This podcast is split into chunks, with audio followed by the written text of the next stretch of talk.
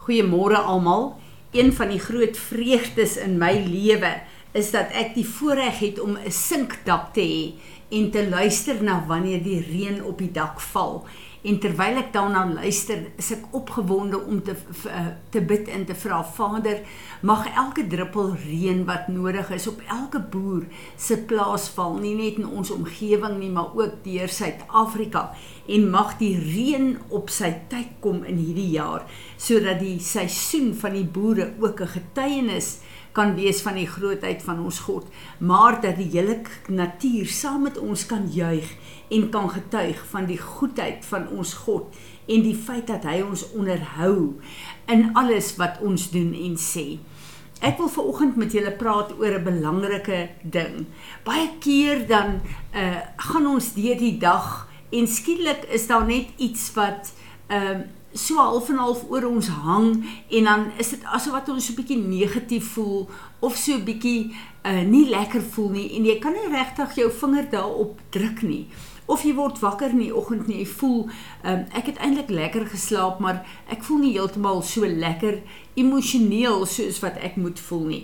Ek wil ver oggend 'n bietjie daarna kyk en ek dink hierdie is iets wat my en jou ongemerk beïnvloed en ons bind uh, sonder dat dit ons uh, ons dit regtig weet en dat dit daardie die blydskap van die Here van ons steel. Ons moet onthou dat die blydskap van die Here is ons krag en ons beskerming. En as ons nie God se blydskap in ons het nie, is daai dae wat ons maar so 'n bietjie pap en bietjie leeg voel en 'n bietjie uh afvoel in 'n gat voel. So ek wil hê ons moet 'n bietjie kyk hoe werk hierdie goed en wat kan ek en jy doen om hierdie plekke in ons lewe onder die heerskappy van Jesus te bring. Jesus sê 'n uh, kwoteer ehm um, Jesaja 61 vers uh, eh, 1 dit staan ook in Lukas 4 vers uh, 18 en 19 The spirit of the Lord is upon me because the Lord has anointed me to bring good news to the afflicted. He has sent me to bind up brokenhearted to proclaim liberty to captives and freedom to prisoners. This is the very heart of God's of Christ's ministry to heal the brokenhearted, to free prisoners, uh, in the very is the very reason Christ came. Dit is wat Francis van Jopini skryf. Nou as ons kyk na die uh, profetiese woord van Jesus, dit is wat ek en jy op aarde moet doen om die gevangenes vry te maak en die mense te bring by Jesus uit. Maar as ons kyk na dit wat Jesus kom doen het om hulle vry te maak, maar ook om die brokenhearted te genees, om ons gees, siel en liggaam op 'n plek te bring waar ons heel kan wees en as ek en jy nie heel is en as ek en jy nie los is van ons uh uh uh mislukkings en foute wat ons in ons verlede gemaak het nie is dit baie baie moeilik om vir ander mense die vryheid te bring wat ons behoort te te uh bring en uh kom ons kyk 'n bietjie hoe werk hierdie goed. Dit is vir my so interessant dat Jesus wat gekom het om die gevangenes vry te maak. Wanneer ons Jesus aangeneem het, wanneer uh, ons ons sonde bely het, dan vergewe hy ons en hy sê hy dink nooit weer daaraan nie. Hy verwyder dit so ver soos die ooste van die weste is. Hy ja, hy vergeet daarvan. Maar hoekom is dit dat hierdie goed nog steeds so 'n 'n 'n plek op my en jou lewe het en ek wil hier vir ons net 'n bietjie 'n stukkie lees van wat uh, Francis hier skryf. Is there an area in your heart where you feel captive to something you did or something that happened to you and you can't get free from its memory? Memory. You can scarcely scarcely sleep or think of the past without remembering and reliving it. Outwardly, we dress ourselves up we act in a way as to cover the areas of oppression within us. But these oppressions continue within. And the enemy can exploit these areas because he knows that they are there. Indeed, because he helped to uh, put them there. Ehm um, nou is dit baie interessant. Uh, Spreuke 9 vers 17 tot 18 sê, according to the amplified Bible gives us an insight in these areas. It reads, stolen waters or pleasure are sweet because they are forbidden. Bread eaten in secret is pleasant, but he knows not that the shades of death are there. Then it explains itself as only the Amplified can do. It says specters hunting the scene of past transgressions. So hierdie is nou goed wat ek en jy gedoen het in ons verlede. Ons het vergifnis daarvoor gevra. Maar elke keer as ons gedagte wêreld na daai plek toe gaan, is dit asof wat die effek daarvan ons weer bietjie aftrek en uh uh of jy so half 'n bietjie depressief wil raak, so opressie oor jou voel. Uh the word spectators mean demon demons and evil spirits. This scripture reveals that the enemy haunts our regrettable experiences, our past transgressions.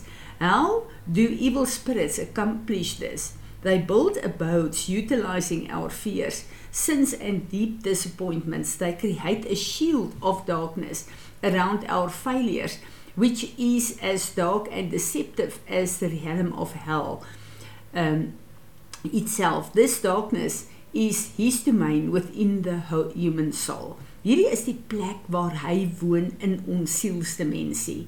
His deception is this because of what you have done, you have no hope of freedom and you must live with the burden of continual, unbreakable curse.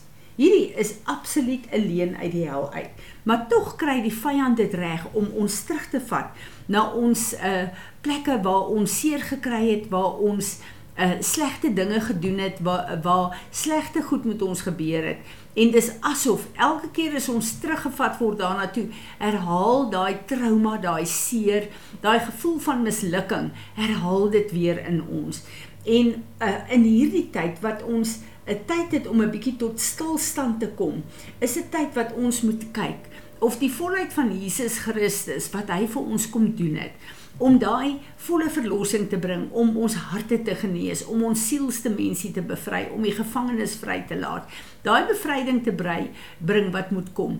Is dit regtig waar deel van my of is daar plekke waar die vyand kan kom en sy lig kan kom skyn op daai donker plekke wat nog in my is, dit highlight sodat dit weer vir my 'n realiteit kan wees.